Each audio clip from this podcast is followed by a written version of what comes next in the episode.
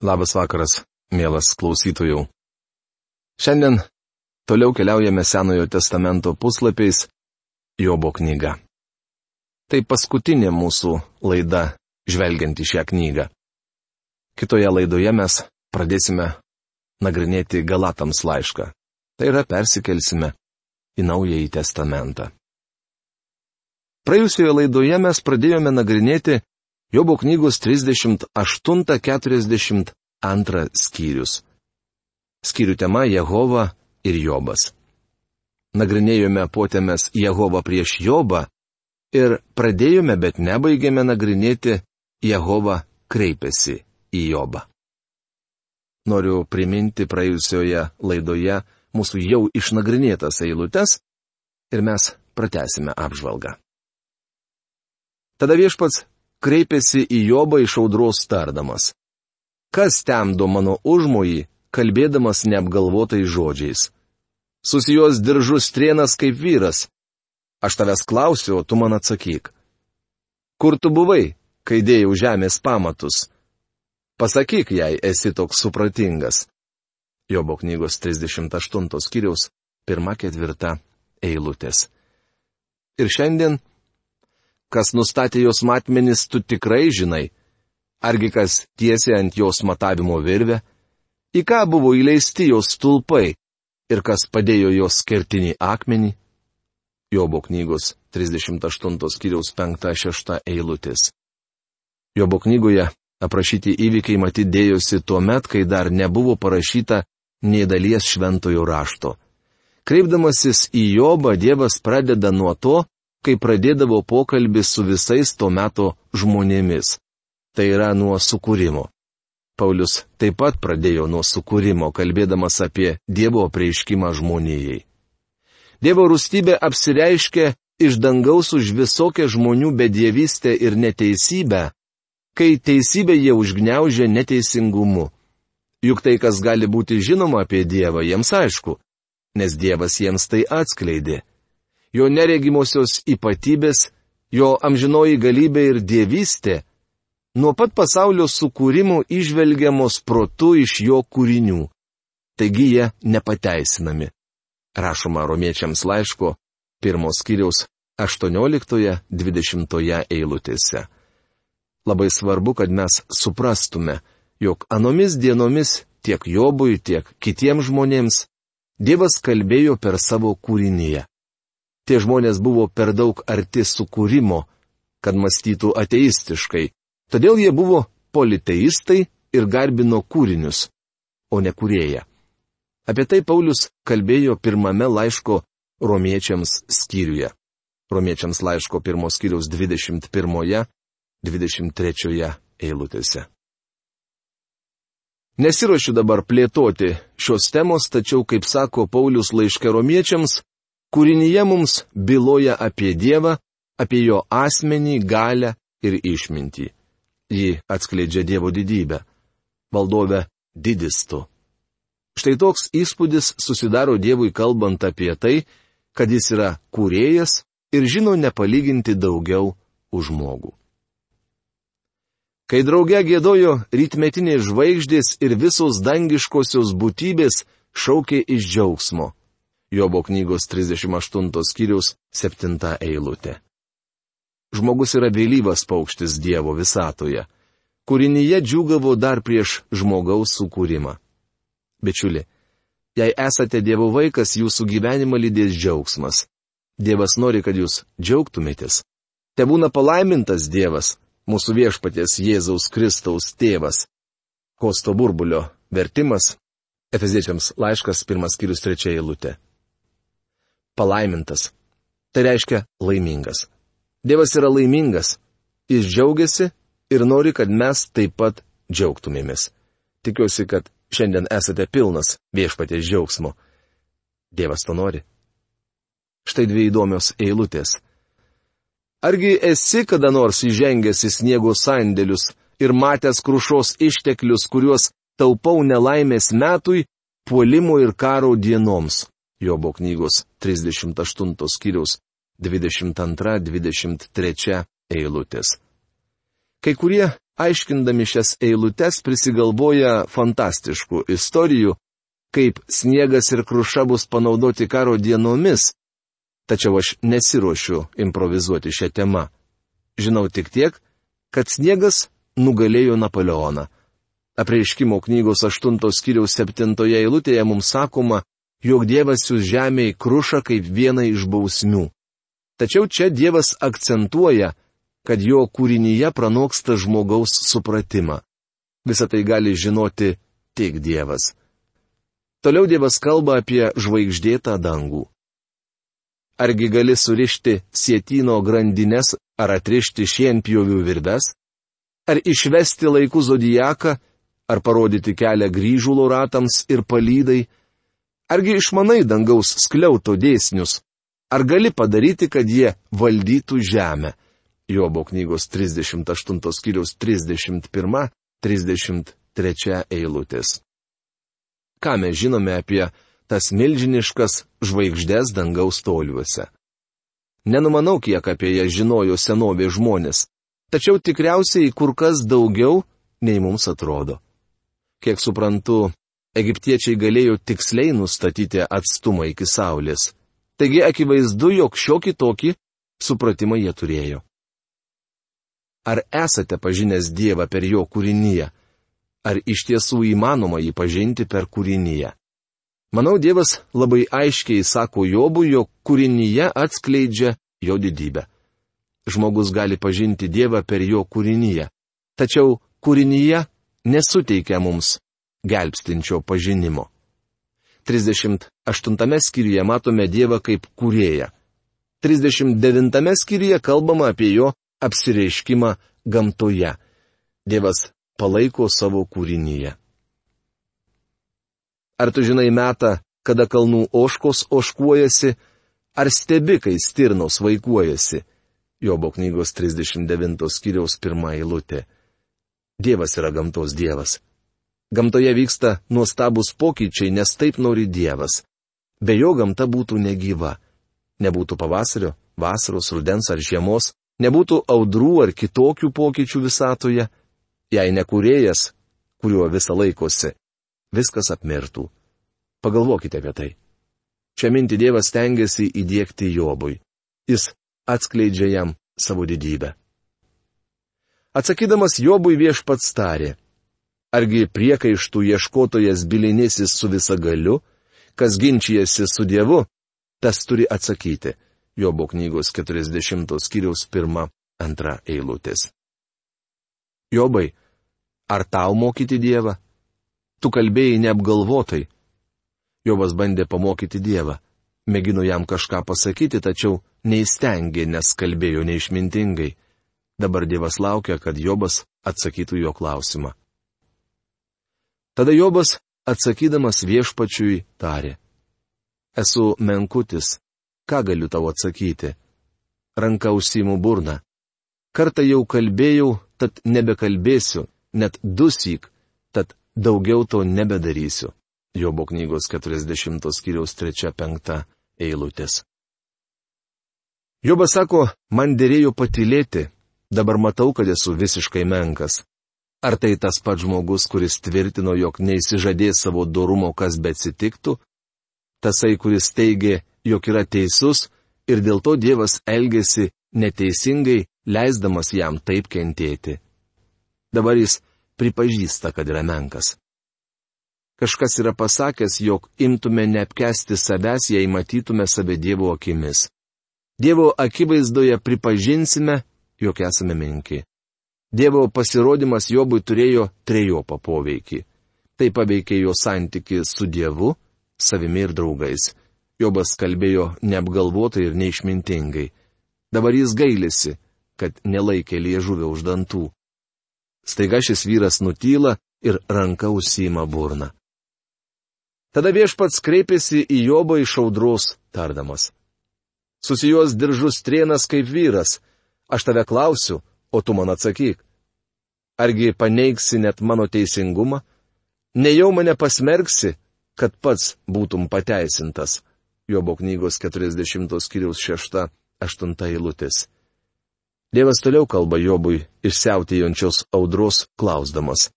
Ar nori pasakyti, kad aš klystu? Žinoma, Dievas neklysta. Galiausiai Jobas galės jam atsakyti, žinau, kad tu gali visą padaryti, ką tik užsimoji, tą gali įvykdyti. Rašoma Jobo knygos 42 skyrius antroje eilutėje. Jobui teks nueiti ilgą kelią. Tiesą sakant, mes jau matome šiokių tokių pokyčių. Anksčiau šis vyras nepažinojo savęs, tačiau dabar supranta, jog yra menkas. O tai jau didelis dalykas. Viešpats vėl nukreipia Jobo žvilgsnį į kūrinyje. Jobai, apsižvalgyk aplinkui. Tu daug ko nežinai. Tad kaip gali mane teisti ar reikšti nepasitenkinimą tuo, kaip aš valdau visatą? Šiandien tenka išgirsti daug vailų pareiškimų apie Dievą. Net krikščionys dažnai paikai ir neapgalvotai pasisako apie viešpatį. Pičiuli, turėtume būti įtin atsargus kalbėdami apie jį, kad neimtume prieštarauti Dievo žodžiui. Gana akivaizdu, kad Jobas nepažinojo Dievo. Jis neišmintingai kalbėjo. Viešpats Jobui užduoda dar kelis klausimus. Kas tik pamato levetaną netenka drąsos ir puola ant žemės, argi jis nėra nuožmus tam, kas jį pažadina? Kas galėtų stoti prieš jį? Jobo knygos 41 skyriaus 1-2 eilutės. Jobai, kągi tu žinai apie šią didžiulę jūrų pabaisą?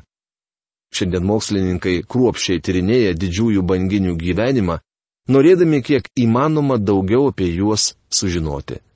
Nuo Jobo laikų mes padarėme didelę pažangą. Tačiau vis dar daug ko nežinome apie didžiuosius vandenynų gyventojus. Ką mes išmanome apie dinozaurus? Girdėjau anegdotą apie muziejaus gidą, kuris skaitė paskaitą grupeliai lankytojų. Jiems priejus prie dinozauro gidas tarė. Šiam dinozaurui 2 milijonai 6 metai. Gretimai stovėjęs vyras atsiliepė, palaukite. Dėl 2 milijonų man aišku. Bet iš kur tie šešeri? Gidas atsakė, kai čia įsidarbinau, dinozaurui buvo 2 milijonai metų. Muziejuje dirbu jau šešerius metus. Taigi jam dabar 2 milijonai 6 metai. Norėčiau paklausti dar sįki, ką iš tiesų žinote apie dinozaurus. Paklauskite bet kurį mokslininką, kokią sritį jis bet stovautų, ir jis pripažins, kad toli gražu dar visko nežino. Jei mokslininkas sąžiningas, jis pasakys, jog tik pradeda mokytis. Leiskite pakartoti. Ne vienas žmogus negali teisti Dievo. Štai ką Dievas sakė Jobui, dar tik aušrojant istorijai. Jobo atgaila. Pastebėkite, kaip tai paveikė Jobą. Tada Jobas atsakydamas viešpačiui tarė, žinau, kad tu gali visą padaryti, ką tik užsimoji, tą gali įvykdyti. Jobo knygos 42 skyriaus 1-2 eilutės. Ar toks ir jūsų Dievas? Ar jis gali visą padaryti? Turbūt nėra žmogaus, kuris nebūtų girdėjęs posakio, ar Dievas gali sukurti tokį didelį akmenį, kurio negalėtų pakelti. Tai tas pats, kas klausti po žmonos padu paminto vyro, ar tu vis dar muši savo žmoną? Matote, nėra atsakymo į šį klausimą, nes būsite apkaltintas abiem atvejais. Tiek atsakęs taip, tiek ne. Taip ir į nuvalkiotą posakį apie Dievą nėra atsakymo, nes Dievas niekada nieko kvailo nedaro. Jis visuomet ištikimas savo. Taigi negalite jam liepti padaryti to, ko jis negali padaryti. Žinote kodėl? Todėl, drauguži, kad ne jūs nustatote taisyklės. Dievas nėra pastumdėlis ar berniūkštis, atbėgantis pas jūs kas kart, kai tik paskambinate varpeliu. Kas temdo mano užmojį, kalbėdamas neapgalvotai žodžiais? Iš tikrųjų kalbėjau apie tai, ko nesupratau, apie dalykus viršijančius mane savo nuostabumu, kurių neišmaniau. Jobo knygos 42 skyriaus 3 eilutė. Jobas pripažįsta, kad kalbėjo apie tai, ko visiškai neišmano. Panašiai ir mes darydavome koledžo bendrabutyje. Vakare baigę studijas susirinkdavome kokiame nors kambarėlyje ir svarstydavome. Apie ką kalbėsime? Aš pasiūlydavau. Pakalbėkime apie tai, ko visiškai neišmanome. Tuomet jūra iki kelių. Pliurpsime, kas šauna į galvą. Ta pati darė ir Jobas. Jis kalbėjo apie tai, ko visiškai neišmanė, apie dalykus viršijančius jį savo nuostabumu. Klausykis, aš kalbėsiu. Aš tavęs klausiu, o tu man atsakyk. Buvau girdėjęs gandus apie tave, bet dabar mano akis mato tave. Todėl gėdijuosi visko, ką esu pasakęs ir atgailauju dulkėse ir pelenuose. Jobo knygos 42 skyriaus 4-6 eilutės. Jobas išvysta Dievą naujomis akimis. Jis negali abejoti Dievo veiksmais, bet privalo visiškai juo pasitikėti. Jobas užmesga naują santykių su viešpačiu. Visų pirma, Jobas išvydo save tokį, koks iš tikrųjų buvo. Jis pamatė, kad yra menkas ir ėmė savimi bjaurėtis. Jis atgailauja dulkėse ir pelenuose. Kokie yra žingsniai į tikrą atgailą? Kalbu apie atgailą tikėjime. Pirmiausia, privalu pamatyti savo menkumą. Antra, imtis savimi bjaurėtis. Galbūt esate matę dviesiena mintančius paukščius. Tikroji atgaila pasireiškia tuo met, kai mes nustojame pasitikėti savimi, maitintis savo dvieseną ir atsigrėžiame į gyvą į Dievą. Tai nuostabus išgyvenimas. Jobas pripažįsta Dievo visą galybę. Jis išpažįsta savo nuodėmę ir atgailauja. Dievas įgyvendino savo tikslą Jobo gyvenime. Galiausiai šis vyras suvokė, kad Dievas leido jam kentėti, norėdamas atvesti jį į atgailą. Jobas pamato save Dievo artybė šviesoje. Jei sakytume, kad bendraujame su juo, o vaikščiotume tamsoje, meluotume ir nevykdytume tiesos. O jei vaikščiojame šviesoje, kaip ir jis yra šviesoje, mes bendraujame vieni su kitais ir jo sunaus Jėzaus kraujas apvalo mus nuo visų nuodėmių. Pirmas Jono laiškas, pirmas skyrius, šešta, septinta eilutės ir epilogas. Galiausiai matome, kad Jobas užmesga naujus santykius ir su savo bičiuliais. Baigęs kalbėti Jobui viešpats tarė Elifazui Temanui. Mane apėmė piktis ant tavęs ir tavo dviejų bičiulių, nes nekalbėjote apie mane tiesiai, kaip mano tarnas Jobas. Tad dabar pasimkite septynis jaučius bei septynis avinus Nueikite pas mano tarną Jobą ir atnašaukite už save deginamąją auką. Tegul meldžiasi mano tarnas Jobas už jūs, kad atsižvelgęs jo maldą nepasielgčiau su jumis pagal jūsų kvailybę, kadangi nekalbėjote teisingai apie mane, kaip mano tarnas Jobas. Tad Elifazas Temanas, Bildadas Šuachas ir Cofaras Namatėtis nuėjo ir įvykdė, ką viešpats buvo jiems paliepęs. Viešpats atsižvelgė į Jobo maldą. Jobo knygos 42 skyriaus 7-9 eilutės. Jobas meldžiasi už savo draugus, užuot kovojęs ir ginčijęsi su jais. Jis atnašauja už juos deginamąją auką. Šiandien ir mes neturėtume ginčytis dėl religijos ar kovoti tarpusavyje. Paulius rašo, broliai, jei kuris žmogus būtų pagautas nusikaltęs, jūs, dvasio žmonės, pamokykite tokį romiai. Galatams laiško šeštos skyrius, pirmą eilutę. Jobas užmesga naujus santykius su Dievu, savimi ir savo bičiuliais. Dievas dėl to padarys kai ką ypatinga. Viešpats pakreipė Jobo dalę, kai jis pasimeldė už savo bičiulius. Viešpats davė Jobui dvigubai daugiau, negu jis buvo anksčiau turėjęs. Jobo knygos 42 skyrius 10 eilutė. Ką reiškia žodžiai, kad Dievas davė Jobui dvigubai daugiau negu šis buvo anksčiau turėjęs? Tada suėjo pas jį visi jo broliai bei seserys ir visi, kurie jį anksčiau pažinojo. Jie valgė duoną jo namuose su juo, atjausdami ir paguosdami dėl nelaimės, kurią viešpas buvo jį ištikęs. Kiekvienas jų davė po vieną kesitą ir po aukso žiedą. Jobo knygos 42 skyriaus 11 eilutė. Tokia buvo pradžia. Draugai padėjo Jobui viską pradėti iš naujo, o jis, patikėkit, buvo geras verslininkas. Dievas davė jam dvigubai daugiau, negu jis buvo turėjęs anksčiau. Viešpats laimino vėlesnį Jobo gyvenimą labiau negu jo pradžią. Jobas turėjo 14 tūkstančių avių, 6 tūkstančius kupranugarių, tūkstantį jungų jaučių ir tūkstantį asilių. Jis turėjo taip pat septynis sūnus ir tris dukteris. Jobo knygos 42 skyrius 12-13 eilutės.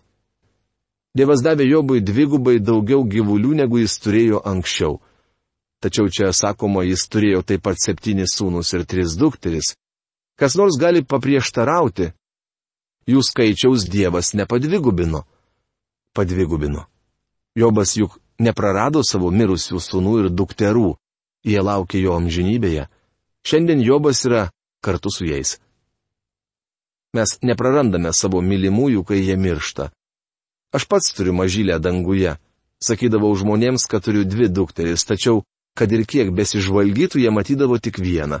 Tikriausiai galvodavo, kad man pasimaišė protas, bet aš tikrai turiu dukrelę danguje. Tiesą sakant, dėl jos esu visiškai ramus. Kur kas daugiau rūpeščių man kelia toji, kuri gyvena žemėje. Pirmąją pavadino Jamimą, antrąją Keciją ir trečiąją Keren Hapucha. Visoje šalyje nebuvo gražesnių moterų už Jobo dukteris. Jų tėvas davė joms paveldą lygiai su broliais. Jobo knygos 42 skyriaus 14-15 eilutės. Bičiuli, jei turite keletą dukterų ir nesugalvojate naujo vardo, turiu jums pasiūlymą. Jamima, nelabai rekomenduotinas vardas, Mat Amerikoje parduodamos tetos įėmimos miltų mišinys blynams. Bet kaip jums patinka Keren Hapucha? Ar nenorėtumėte tai pavadinti savo mažylės? O gal jums labiau prie širdies Kecijos vardas? Paskui Jobas gyveno 140 metų, matė savo sūnus ir savo vaikaičius iki ketvirtos kartos. Pertekęs metų Jobas mirė žiloje senatvėje. Jobo knygos 42 skyrius 16-17 eilutės. Mums sakoma, kad Jobas po skaudžios nelaimės gyveno dar 140 metų. Vadinasi, visa tai vyko patriarchų laikais. Nors ir buvo daug iškentėjęs, Jobas gyveno labai ilgai. Jis matė savo sūnus ir vaikaičius net iki ketvirtos kartos ir mirė žiloje senatvėje pertekęs metų. Mielas klausytojų, šiandien mes užbaigėme nagrinėti Jobo knygą. Kitoje mūsų laidoje iš Senojo testamento vėl persikelsime į naująjį ir žvelgsime į Galatams laišką. O šios dienos laidos laikas baigėsi. Iki malonaus susitikimo. Sudė.